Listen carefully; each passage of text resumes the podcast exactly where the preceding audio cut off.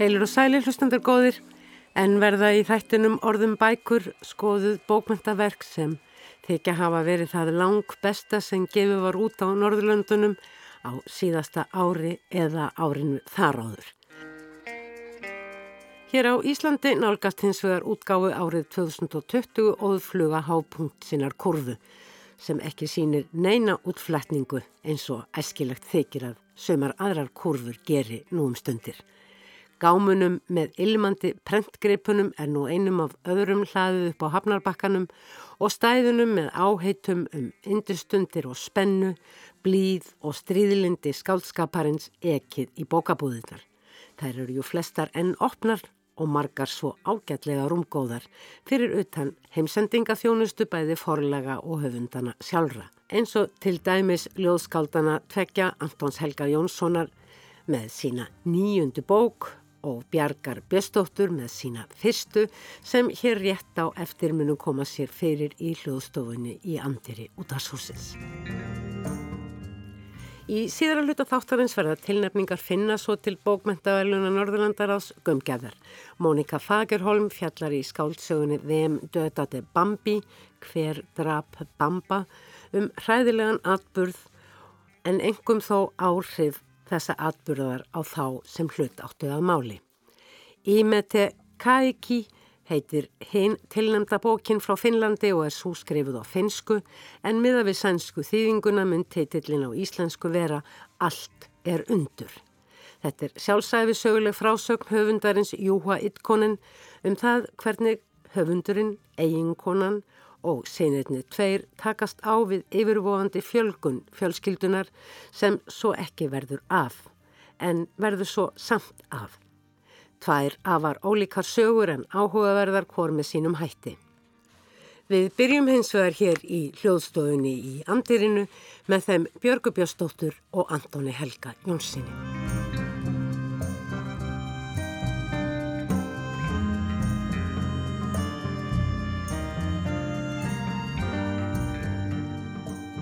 Anton Helgi Jónsson og Björg Björnsdóttir, velkomin bæðið tvö og til hamingju með bækurnar ykkar.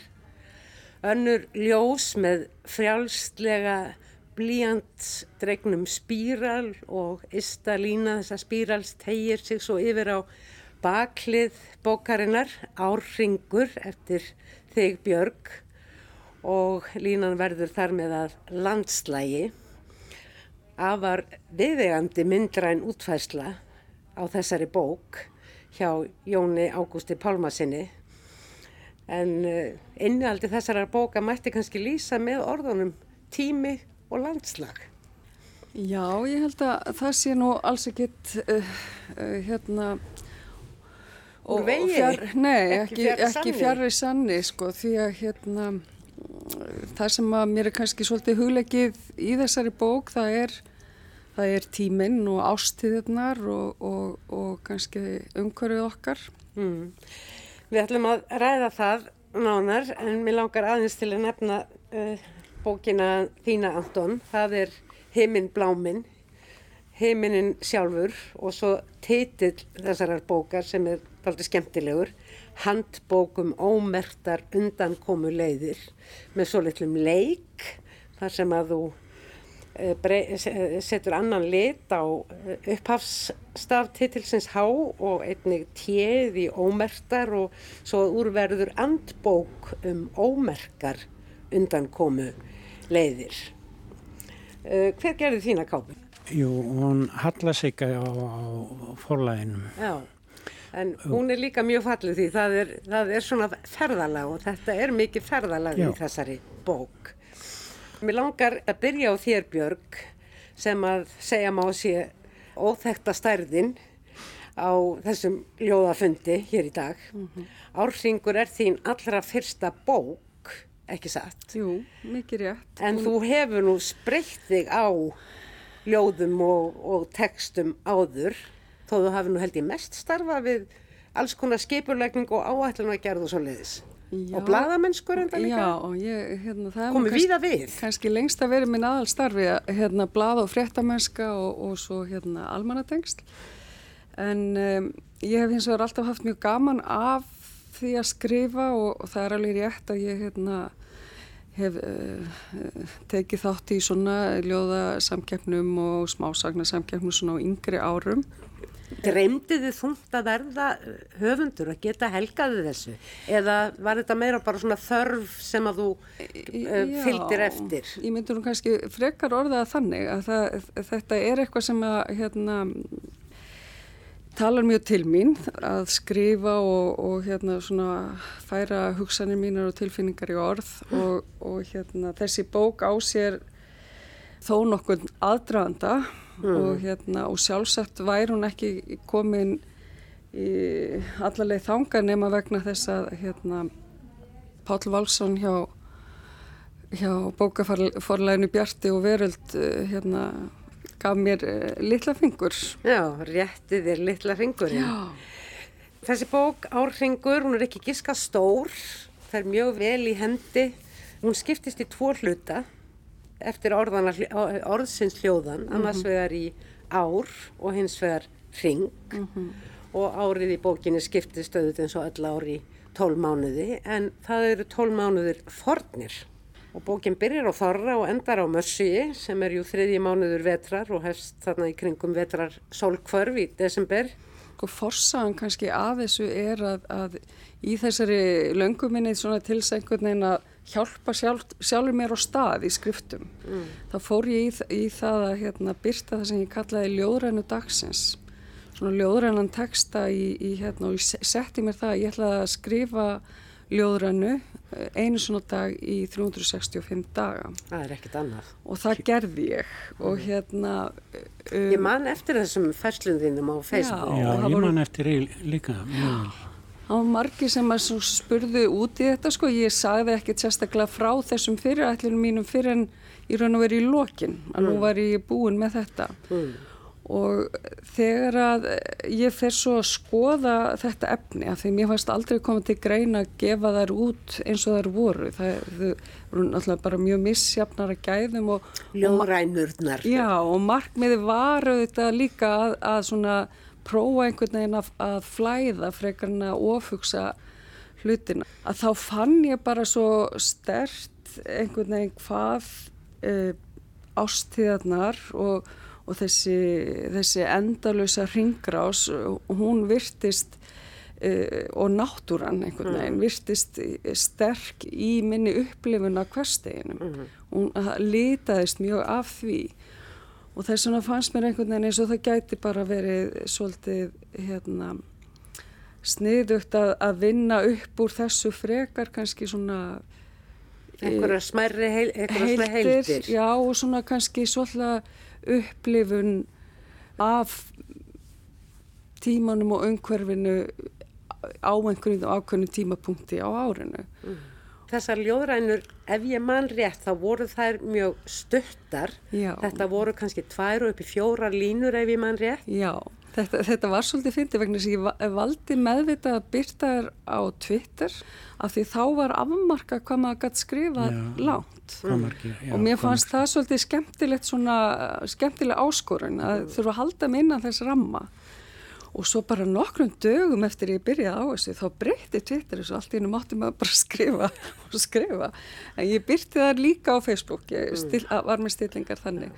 En það er smá lengtust Já, við ættum kannski að fá að heyra uh, eitt af ljóðunum úr uh, þessum hlutabókarinnar Já. og á þessari stundu þetta mér auðvitað í hug gormánuður, haustmánuð er senna ljúka og viðegandi því að lesa ljóði Gormánuður núna. Gormánuður, hann er komin. Þessi morgun þegar híminin verður að dökkum stryga fyrir skugga trjána, fyrir fjallið sem ávalt vakir og þig. Rökkrið mjúk voð sem ég hil mig með, þannig búin held ég út, ósýnileg vindurinn í fangið, trilltur höstlöfadans. Augun fyllast smám saman af þurru ríkinu þar til allt verður svart. Þegar ég er hægt að sjá, falla kornin á milli augnhárana, niður kinnarnar og til jarðar. Og augun fyllast á ný. Þessi dagur. Híminin á herðum mér, kuldin smígur inn að beini, skildu allar kindur vera komnar á fjalli. Það er eftirvænting í þessu ljóði. Eftirvænting einhvern veginn gagvart þessum breytileika ástíðana og náttúrunar umhverfisins í því samhengi. En svo er þarna líka mikil djúpigli sem að vantarlega hver og einn útleikur með sínum hætti en til dæmis þetta með rekið í augunum -hmm. og að þau fyllist á ný, heiminin á herðum mér, ósýnileikin mm -hmm. og svo líkur ljóðunni á svona umhyggju, skildu allar kindur komnar af fjalli. Mm. Var þetta ljóð til sem held eða er þetta? Nei, ég, ég smíða þetta úr, úr nokkrum kannski. Ljóðrænum? Já, en það sem að hérna fyrir mér er líka þarna í hérna svolítil ókn. Ég veit ekki hvort að þið hérna skinnið það en, en það er sko það eru náttúru öflin og þessi, þessi hérna, já, veðra öfl eh, sem, a, sem að sko takast af okkur völdin alltaf þegar við höldum við höfum fulla stjórn á öllum hlutum að þá, þá, þá er það ekki þannig og maður finnur að það eru skil, það er eitthvað að fara að breytast mm. en hérna það sem kom mér líka pilnut og óvart í þessari bók er að, að hérna Fjallið sem áallt vakir er til dæmis snæfellið hérna heima og, og þetta... Þú býrð á eigilstöðum? Ég býr á eigilstöðum og fljósta sér að þið og umhverfið er svo stert aðna. Snæfellið og lögurinn og fjöllinn og, og, og lífið aðna það hefur... Skóurinn. Skóurinn. Og reynkýrin. Og reyndýrin og reynkýrnar og maður situr mitt í einhverjum dásendar fjallasal sko mm. Þú ert alveg upp þarna til mm -hmm. 16 ára aldurs, sagður mér já. Og uh, en svo ferðu út í heim já.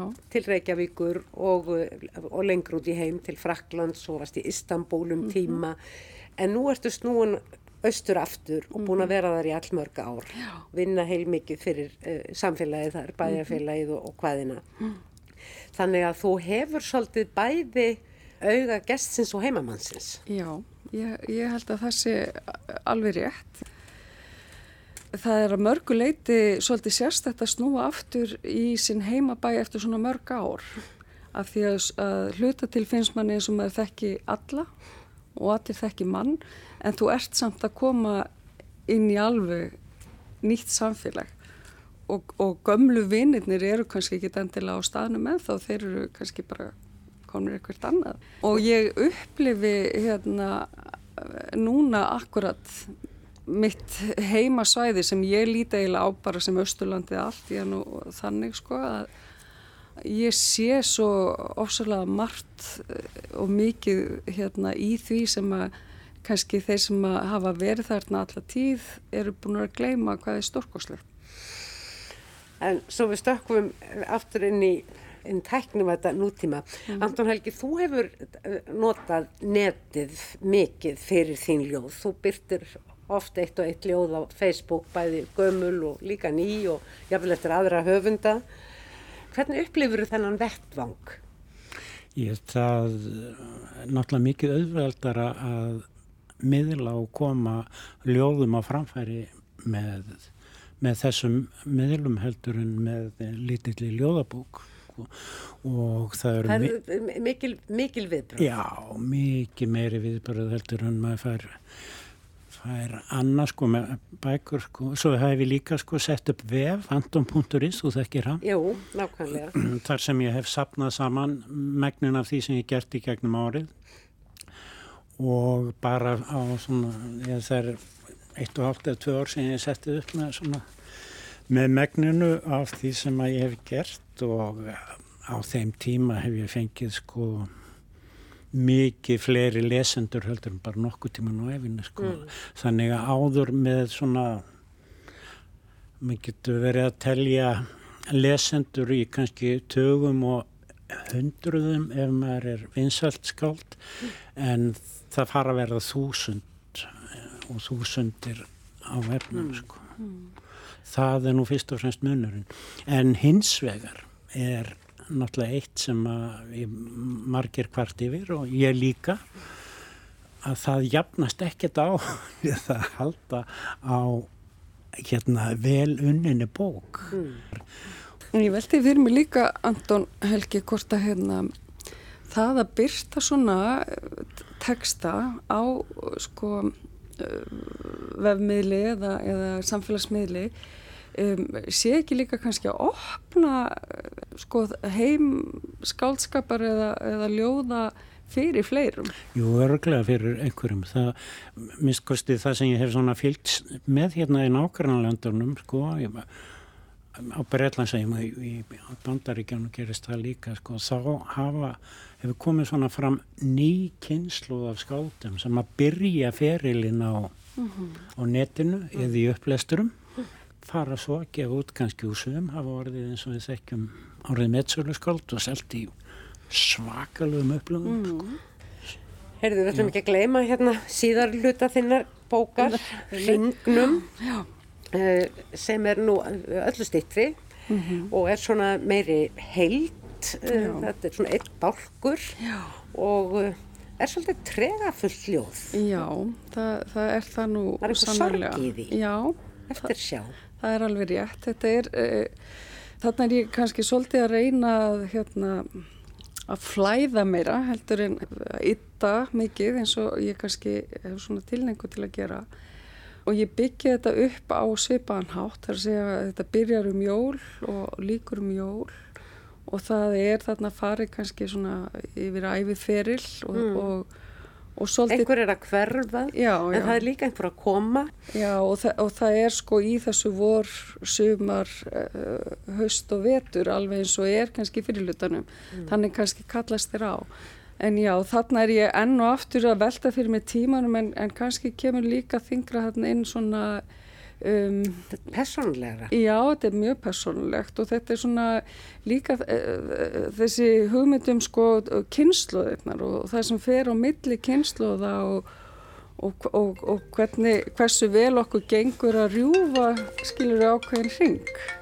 Afsökunar á þessari símringingu. Já, alltilega. Það er þessi ringrás náttúrunar sem við stöðum ekkert, hún bara er mm. og og svo er það kannski ringrásin sem er í, í fjölskyldum og í kynnslóðum sem að sko áauðt að vera hægt að rjúfa en á nokkuð gengur kannski mísjaflega mm. að gera. Fáum örlíti brot úr því Já. ljóði. Nætursólinn dregur fram minjar vetrarins. Það hendar mér ágætlega. Sumarið færir ekki öllum fró en ég ræði ekki um hjartað. Hösti sem þú kvattir barstu þitt í höndum þínum, sálin í augunum, hömlutnar hornar. Við heldumst í hendur, ég myndi þið á það aftur og aftur hver ég væri og hverjum ég líktist. Með bleiki í auga sagði þú það hlaut að vera svona falleg kona. Líkt og barn þráður í mjúka snertingu, blíða hönd og kinn, loks horfinst við í augu, barma full blá augun full efa. Ég horfin í sál mína. Reyna að fullisa mig, reyna að fullisa þig, en glukkin lokast áður en ég veit hvort þú hefur heyrt til mín. Takk fyrir. Anton, þín bók er einn samhangandi bálkur, eins konar ljóð saga og hefur einu svona skrifað skáldsögu og þú skrifa nokkur leikrit en ljóðið hefur svona verið þinn miðill. Er ljóðið algjörlega fastur hluta af lífiðinu? Þú yrkir á hverjum degi eða hvað? Ég segi það nú kannski ekki alveg en... En svona, svona pussar eitthvað í þessu? Stundum, Nussar? Jú, ég er mikið að kom, merkilegt samt hvað kemur lítur út frá mér með það. Uh, ég er getur verið lengi að vinna og, og, og hérna byrjunin á þessu eða hugmyndina þessa, þessari bók eða þessum bálki eða hvað sem við kallum þessari ljósögu það, það byrjaði í svona króti eins og Björg er að lýtsa þá í svona vasabætkur og, og svona einhverstaður á gönguferðum út á landi hér og þar. Og um, ég hef gert nokkrar atlegur að þessari bók og er eitthvað að misetnast og svona fyrir svona tveim árum síðan þá eitthvað small eitthvað í aðferðinni sko. mm. og svo bara ég var eiginlega bara í vor sko, þegar allir fóra að hugsa um Ísland og svona þá rífist upp yfir mér að ég ætti þetta einhver stöðar og ja. tók þetta fram og fór að sína og þá ég var bara kvartur til að fara með þetta áfram og klára þetta og koma sér út Fyrsta sem ég dætt í hug svona þegar ég var að lesa þetta var þetta er útiljóð. Þetta er ekki ljóð um heimkynni. Og á einum stað segir eh, eitthvað í þá verðinu ég verðist alltaf vera á mörgum stöðum í einu. Þeim sem ég ráfa um hér og nú þeim sem ég kvatti og þeim sem ég ætla að heilsa og ekki yeah. löngu síðar segir á annari síðu þetta er svo skemmtilegt hvernig þú ferðast um við ingangin að höfuðstöðum hins ferkantaða byrtist mér speilmynd í rúðu framandi manneskja skessulegur klettur uppdagað tröll sem mætir allt og seint á fund Já, kjarnin í þessi, þessi hugsun sem ég var að reyna að ná inn í þessa bók er einmitt akkurat þetta að vera á ekki bara einum stað heldur mörgum í einu og hingað og þangað. Að einhver leiti var kveikja þessari bók eða tventsefi með nefnt sko til dæmis sko ég las reitgerðinans Pál Skúlasonar í ösku og koma út eitthvað 2000 og eitthvað upp á aldamátamöndan og þar lýsir hann upplöfun sinni að koma í ösku í fyrsta sinn og það er svo mikil áhrif sko mm. að það, bara, það er ekki hægt að komast lengra í veruleikanum. Þetta er bara, mm. þarna er allt sko. Og um leið er hann svona berið þetta saman við París og þá upplöfun Já, það er þessi nástafa hjá, í þess, þessum bálki, nástafa borgarinnar og náttúrunar urban og rural eitthvað. Já, en svo er eitt í þessu sko eins og þessi upplifun sem ég er að meila sko náttúran og borgin og allt er samt einn heimur sem við getum við getum aldrei skroppið út í náttúruna og skilið borgin eða menninguna alveg eftir það við erum alltaf, mm. það er alltaf saman mm. og ég hef nefnt sem dæmi og það er enda tilvitnanir í eða lýsingar á, á verkun sem ég var fyrir áhrifum sem unglingur sem voru myndirna en að Þorbjörgar Höskuldsdóttur sem mjög kannski eftir má, stórum málverk af rosalega flottum fjöllum eða mm. klettum mm. og svo allt í einu inn á milli þá koma grískar súlur eða flísalagt golf og það er alltaf sko hefð manngerða mannheimurinn og, mm. og náttúran er í einum heimi, einni mynd það er þessi upplifun sem ég er að reyna að miðla í þessar bók. Mér er alltaf fundist að hafa svona svolítið íróniska eða minnstakosti svona kankvísa afstöðus til náttúrufegurðar og svona landslags náttúruljóða. Og þú hefði svona reynd að setja þau svolítið andstaðan pól við ættjarðaskaldin samanber gammal hljóðvitt um ringferðin í kringu landið á milli bensinstöða þar sem að Coca-Cola fossar eða eitthvað þýjumlíkt en svo eru líka þarna uh, ljóð sem að eins og þú sért að nálgast einmitt þessi frekar upprefnu skáld. Eins og þú segir þarna á einu stað mætti ég byggja um hælætist dag og fjöllum? Heyrðu mig vættur, heyrðu mig tröll heyrðu mig álfur, álfkona land. Já, ég veit ekki hvað skal segja. Það er náttúrulega hérna það er kannski minn Þú ert nú vel af þér í gamlu skáldunum.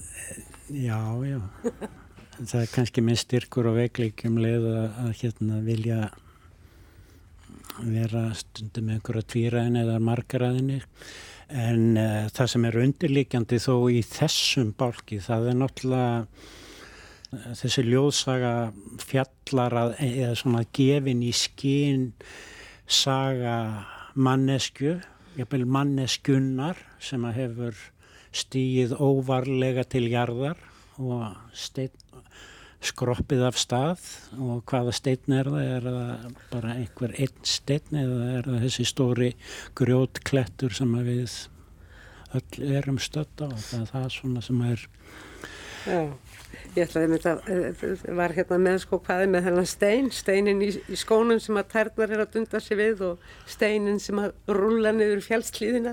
Já, hann, hann er svona, steinin er þarna einhverjir steinar alltaf að rulla í gegnum alla bókina og mm. svona. En ég ætlaði nú ekki að kannski að lesa öll ljóðun en það eru svo marga skemmtilegar hendingar í þessum ljóðum og þetta er svo skemmtileg saga. Það er svo mikil ólíkindi í henni. Hún er surrealisk á köplum en svo er hún líka bara svona óskup kvöndagsleg og þarna eru allskynst ljóð.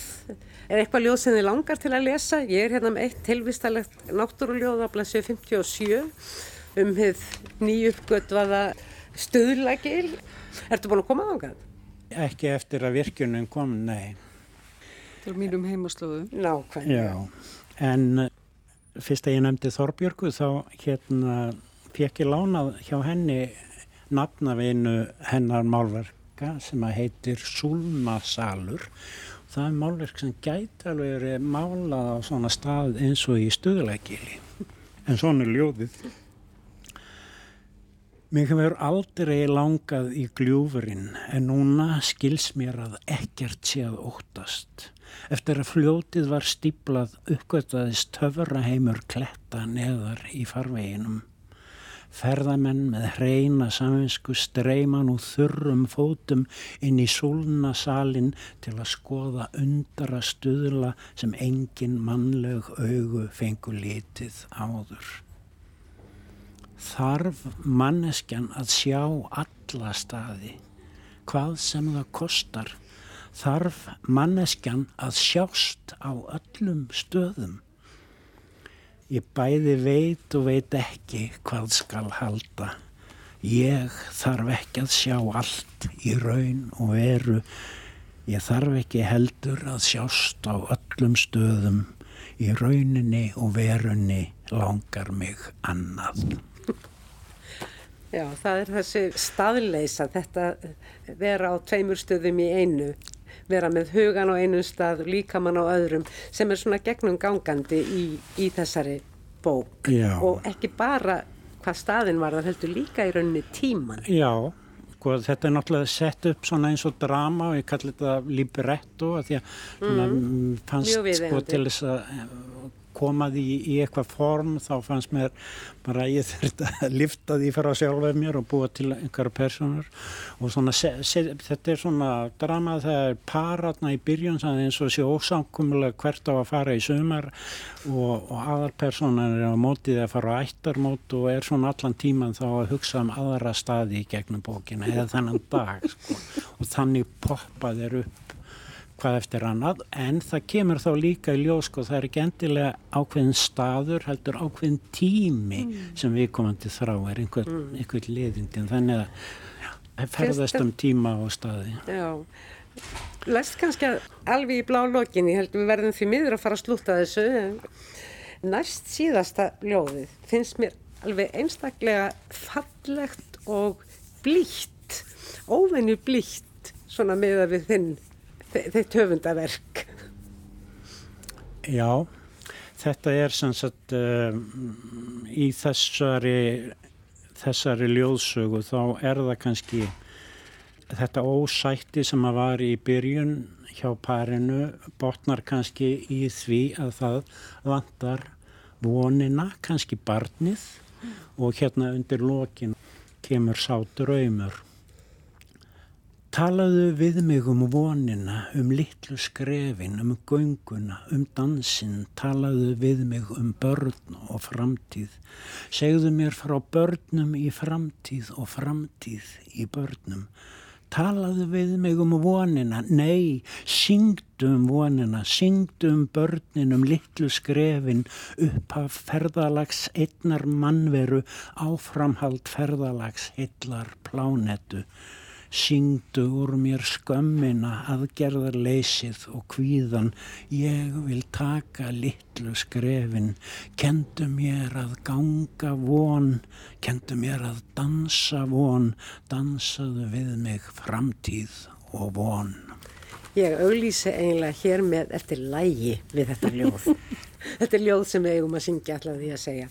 Anton Helgi Jónsson og Björg Björnsdóttir, takk ykkur innilega fyrir komin að var gaman að spjalla við ykkur um bækur ykkar sem eru mjög ólíkar en hver annari skemmtilegri og áhugaverðari.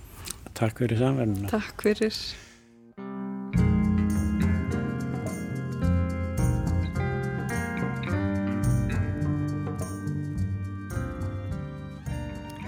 Bækurnar sem finnar tilnefna til bókmyndavelluna Norðurlandaráðs árið 2020 fjalla eins og sagði upphafi báðar um hræðilega hluti.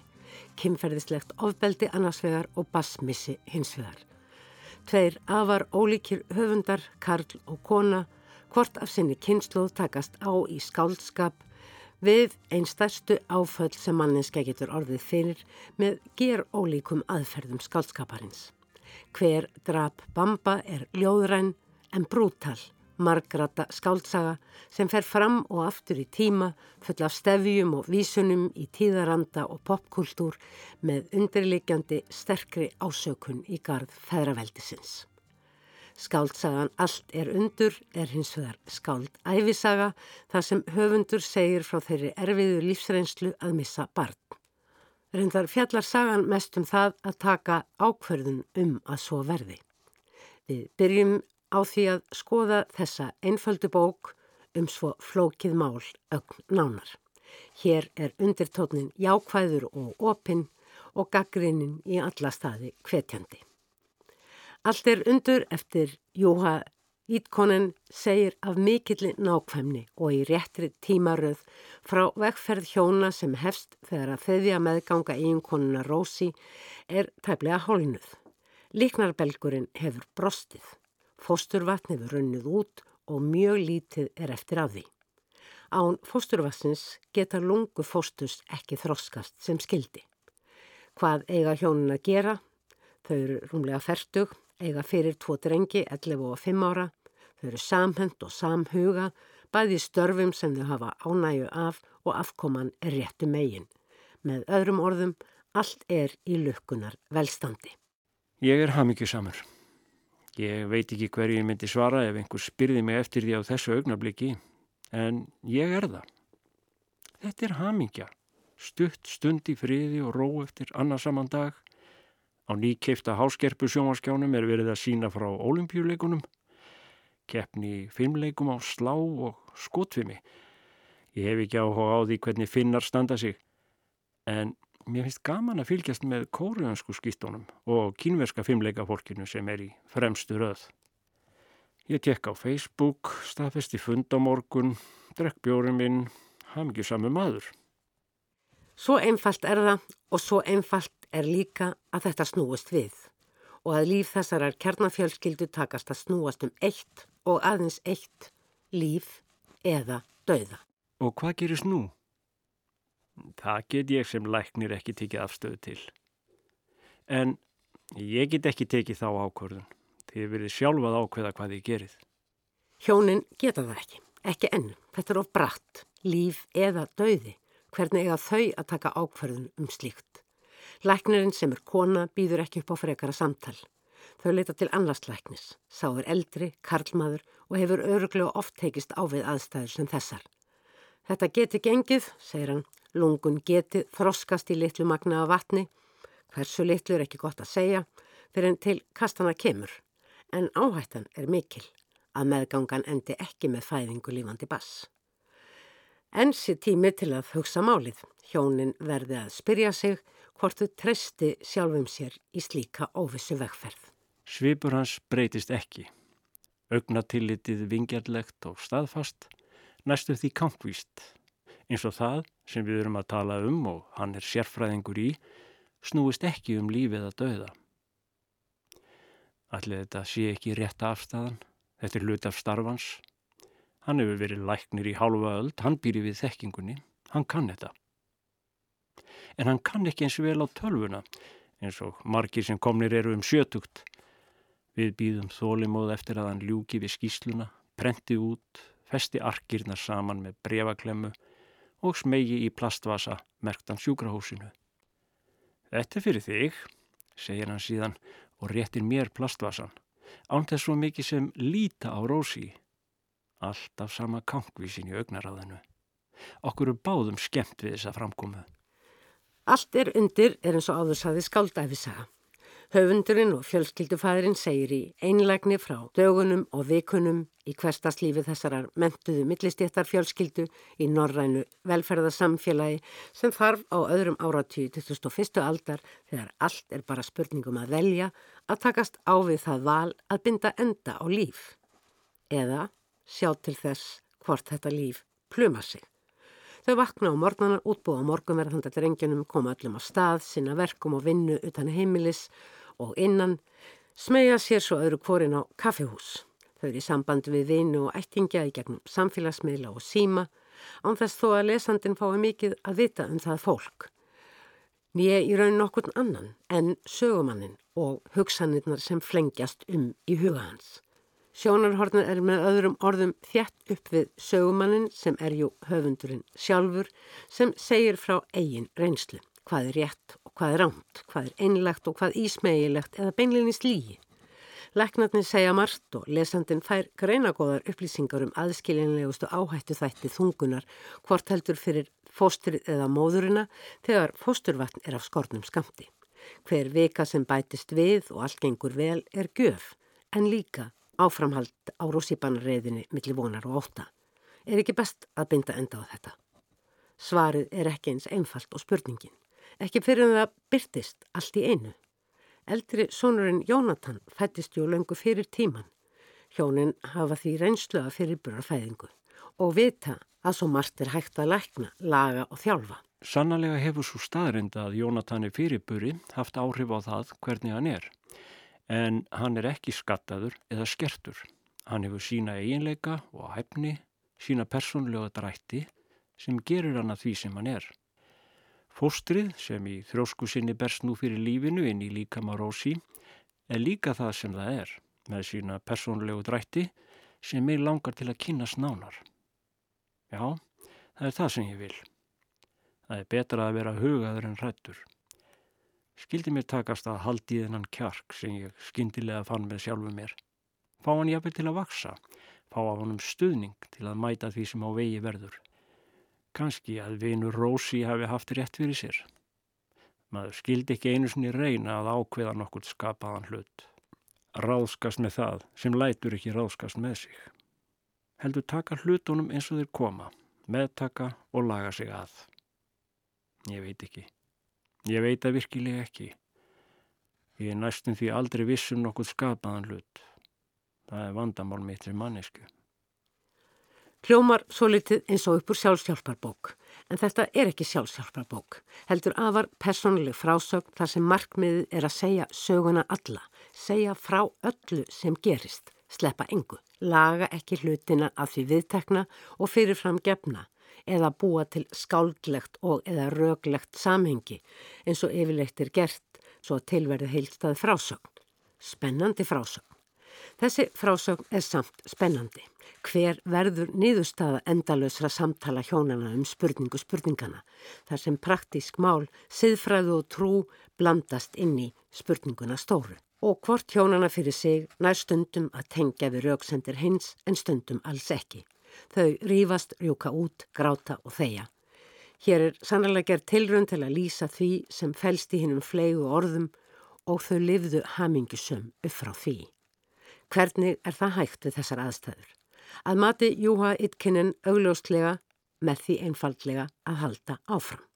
Reyna nýja nálgun á vandan aftur og aftur. Þannig stendur maður sig í verkefninu hjónaband sem gengist hefur verið inn á að skuli halda. Það brestur vissulega stundum en það brotnar ekki. Þau eru á leiði danskeppni. Eldri sonurinn er að keppa. Þau fara öll. Egin maðurinn keirir, Rósi sittur í framsætunu og leiðir eittir viðtal sem á að byrtast við hann í Helsingin Sanomat daginn eftir. Strákarnir bækslast í aftursætinu. Egin maðurinn er vansvefta. Hann er loksins búinn að taka ákverðun og hjælt að hún væri með, en svo var hún það ekki. Er þetta mikilvægast einmitt núna, hvernig hún kemur út í fjölmiðlum? Anskotans viðtal. Ég er á yfirsnúningi og þó liðið ekki. Í síðustu beigjunni missi ég stjórn á mér og reyðin spítist út. Skilir ekki að þetta er eitthvað sem þú ert í þann mund að kveðja með fjölfallað barn sem þarnast aðrinningar allan sólarhingin. Þá er bara far vel frami. Svo sem þú ert núna, hún verður ekki lengur. Uss, ekki segja svona svo strákarnir heyri. Við horfum á danskeppnina, aukum heim. Okkar manni tekst að sopna og enn eina ferðina ræða hjónin saman. Enn eitt lækninin skal spurður áður en endanlega ákvarðun verður tekinn. Spennan er mikill. Bókin er hans hálnuð, en málið er flókið. Kanski flóknasta máli heimi. Að Karl og kona taki ákvarðun um líf sem þau hafa kveikt í saminningu og bera bæði tilfinningar til. Hann þó kannski aðeins eins og í gegnum hana. Því þetta óþekta líf, mannveran sem vex og þroskast, er ekki áþreifanlegur hluti af honum, heldur aðeins, henni, og það veit hann. Sér Rósi að gríðarstór sorg í mannsmynd liggur ofan á mér og ég ork ekki að ítinni burt. Ég vil ekki að hún sjáu það. Hún má ekki sjá það. Ég má ekki vera sorgmætari en hún. Allt er undur eftir Jóa Idkonen er tvær bækur í einni. Fyrir bókin endar í sorg sem þó er hægt að takast ávið. Eins sameinlega og kostur er er ákverðun um að rjúa þungununa loks tekin sem var vel. Agna litla stúlkan hafiði yfirgefið í jarfistina áður en hún hófst. Sorgin er sár og mikil að koma jól og fjölskyldan fer í ferðalag. Á Nýja Sjáland er ljóstað enn hefur nýtt líf bankað upp á. Sagan endur tekur sig, liknarbelgurinn brestur, en vasmagnið er meira og það er farið hraðar yfir sögun. Það fæðast tvípurar, allt á snemmarendar, en allt fer vel að lókum. Lífinu er þakkað, þau eru aftur komin í ljósið, fjölskyldan hefur tapað baróttu um líf eða dauða en unnið baróttuna upp á líf og dauða. Hvort tvekja í sinni áköfustu mynd á um það byl tíu mánuða tímabili og við lesendur höfum gengið með þeim í gegnum ótrúleustu smáatriði þessarar baráttu og tæplega 300 blaðsíðum. Það vill til að Júa Itkonen kann vel að skrifa framvindu, meila samhengi. Hann heldur spennu og bregður jafnvel stundum fyrir sig gletni í þessum hörmulegu eða öllu heldur harmrænu aðstæðum. Hann kemst kannski ekki alltaf hjá því að vera svo litið væmin í þakklæti sínu en kannski er það beinlinis með ráðum gert. Fjölskyldulíf þarnast frekar blíðu en kaltæðni. Hér er lítil dölúð á ferð. Lesandin þarf ekki að geta í eðurnar, speikla eitthvað í einhverju öðru. Það sem nöðsynlegt er að segja frá er tíunda nákvæmlega og sá lesandi sem hér talað stóð sig stundum að því að hlaupa hratt yfir nákvæmar lýsingar á grautarsauðu hjólaleiðum um götur Helsingi og stöðum stökkum inn á þennan eða hinn skindibeita staðin eða kaffihúsið. Júa Itkonen er mentaður í stjórnmálafræði, hann hefur starfað sem bladamæður með fram því að skrifa skálskap og hann er fastur gestur í þættinum Ringborðið hjá finska útvarpinu. Hann hefur sendt frá sér einar sex eða átta skáldsögur, smásagnarsapn og barnabók auktvekja leikrita og nokkura ferðabóka. Sjálfsæfisögur eða skáldæfisögur hafa verið áberandi í norranum bókmyndum þessum aðver þessar öld og þessi skáldæfisaga, Júha Itkonen, allt er undur, sómir sér öruglega vel í þeim flokki. Fortúnir verðlunabók er svo önnur saga.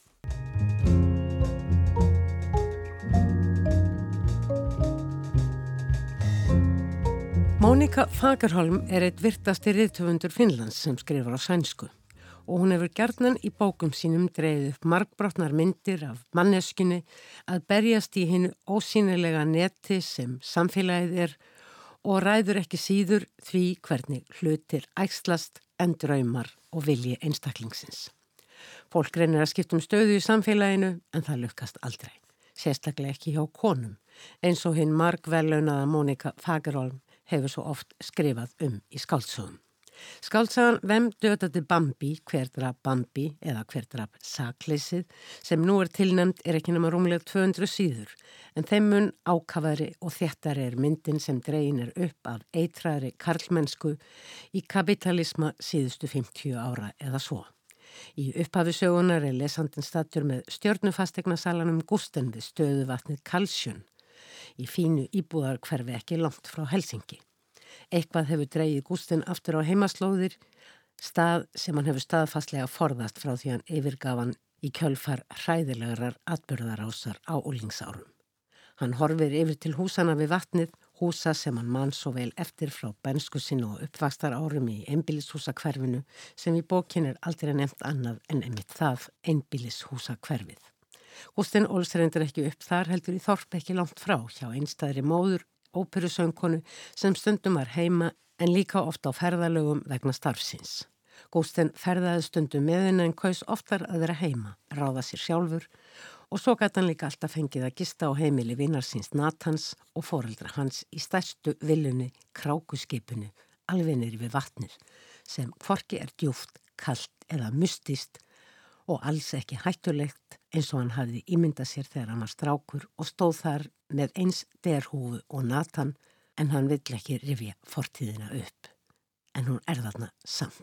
En aftur að bernskunni og göngubrúni. Anne-Lise kemur upp í hugan, sonur hennar Nathan. Nathan Heggert, enga barn Anne-Lise og Albínus Abbe Heggert, jafnaldri Gusten og ekki síst vegna ára langrar vináttu maðurana, bernsku vinur Gusten og skólafélagi öll árin í einbillishúsakverfinu, alveg til endalókana, síðasta árs mentaskólans sem endar með hryllingi. Já, hryllingi, ekki ofsögum sagt, ekkert getur breytt yfir það eða milda það sem gerðist. Allt hrundi, slittnaði tætlur, endanlega og það er óhreikjanlegt. Hann á sög og Nathan fyrst og fremst. Hróttaleg hópnaugun á heimili Annelísi Heggart. Ungri konu mistyrmt í marga klukkutíma í kjallara lúksusvillu í eftirsóttu útkverfi. Íllvirkjarnir fjórir, gæjarnir, eru úr sömu klíku og allir skólafélagar. Nathan Heggart átti frumkvæðið. Nathan Alltaf talað um Nathan litla þegar þeir voru börn, eftir bátinn. Jú, vissulega var hann lítill á þeim tíma, hægt að setja henni elspýtnastokk, segja mömmunnar og hlæja báðar gladar og góðviljaðar úti á gungubrúni. Lítill, fölur og þögull. Nathan komin upp á brúna, alltaf síðastur og blimskakkar augunum undan derhúfinni sem, þegar þau koma heim einhverja hluta vegna, fær gústen til að rella í mömmu sinni. Ég vil líka svona. En að ná eftir að vaksa og hætta að þeia um leið og með undarlegum hætti eitthvað innra með honum vex. Verður ógnandi. Time. Time. Nathan að dansa einn í risastóru herberginu við þessa tónlist. Prins, alltaf prins. Nathan elskar prins. Augun lokuð og opnar augun í miðjundansi, sér einhvert þeirra og hrópar Þú ert ekki að fara neitt. Setna Nathan með fyrstu stóru ástinni sem yfirgefur hann, Sasja heitir hún, nýji skólanum, kemur frá Gravelska stúlnaheimilinu. Nathan, nei, I have axed you out of my world, hugsar Gusten núna. Ekkert annað hægt. Í skáltsögu Móniku Fagerholm er ekki gerð tilrönd til að byggja upp spennu í hefðbundum skilningi. Strax í upphafi fær lesandin að vita hvað gerðist, ekki öll smáatriði, en nóg til að fara í þetta ferðalag með Gústen aftur til benskunar og úlingsárana sem enduðu með því aðanlendi á vittlótsra spítala, eins og hann kallar það sjálfur. Í kjölfar réttarhaldana yfir honum, Nathan og tveimur félögum þeirra. Það að taka þátt í 8 klukkustunda mistyrmingu og nöðgun annara mannesku hefur áhrif. Enginn þeirra gerandana var sagfeldur. Abbi Heggert, fadir Natans, skipulaði allt vel og fornarlampið þagði þunni hljóði. Sasha hafði ekki viljað að Gustin fari til Lóreklunar, vildi frekar gleima, alls ekki vera fornarlamp og hún hverfur úr sögunni. Þetta er saga um gerendurna og þeir fá alla hugsanlega aðstóð. Er bóðið í skíðaferðsuður í Alpana, Abbi á þar hús og hann rettar líka sálfræðingi. Gústen gæti ekki þegið bóðið, þurft að vera annar staðar eins og áður saði. Þóldi og ekki álægið, mann allt og vel eftir sjálfum sér með myndavíl sössu í höndunum í stóra kallaranum í einbílishúsi Heggert fjölskyldunar, allt arkitektar og byggingaverktakar í fremstu röð. Þar hafði hann oft liði vel, húsið svo flott, en það lág líka eitthvað í loftinu, ógn sem erfitt var að henda reyður á, yfirborðið var svo glæsilegt. Annelíse, tómhenda stelpan frá barnaheimilinu, barnaheimilinu okkar, gravelska. Úr lörfum til ljóma, ljóti andarungin sem varð að svani. Fyrirtækja lögumæður, hagfræðingur, prófessori hagfræði 27 ára gömul, Milton Friedman, gæn hand.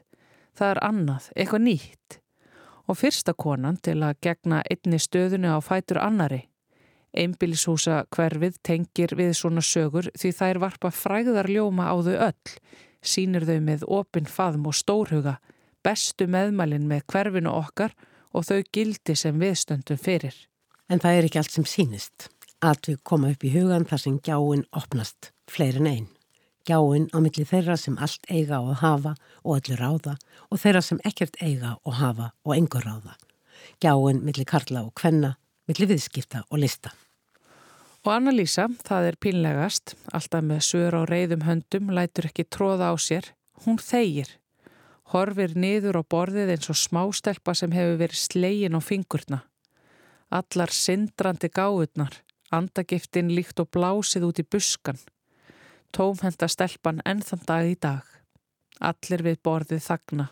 Þagn eins og eftir ofbeldisverk. Abbe flissar aftur. Nathan starir ofan í diskin. Kísulúran frá gravelska. Að lokum er það hún sem rýfur þögnuna, lítur í kringu sig, svift öllu sjálfströsti, klauvaleg, ekkert lík þeirri annelíse sem við áttum að venjast á þessum tíma. Meiri eftir eitt Gústen. Ójá, Gústen þykkur meira, takkar fyrir sig af yfirdrifinu kurtesi, svo stoltur að fá að vera með í þessara fullkomnu mynd sem hann nú veit og hefur kannski alltaf vitað að er svo marg brotin, möllbrotin eins og samfélagið allt Nathan nennir ekki leiknum við matarborðið sem hann augljóslega þekkir og ætlar að standa upp. Þaðurinn segir nei. Sestu, í mínum húsum stendur engin upp frá borðinu án mín sleifis og í mínum húsum byðsmaður afsökunar hafi manni orðið á. Nathan sígur aftur niður á stólinn.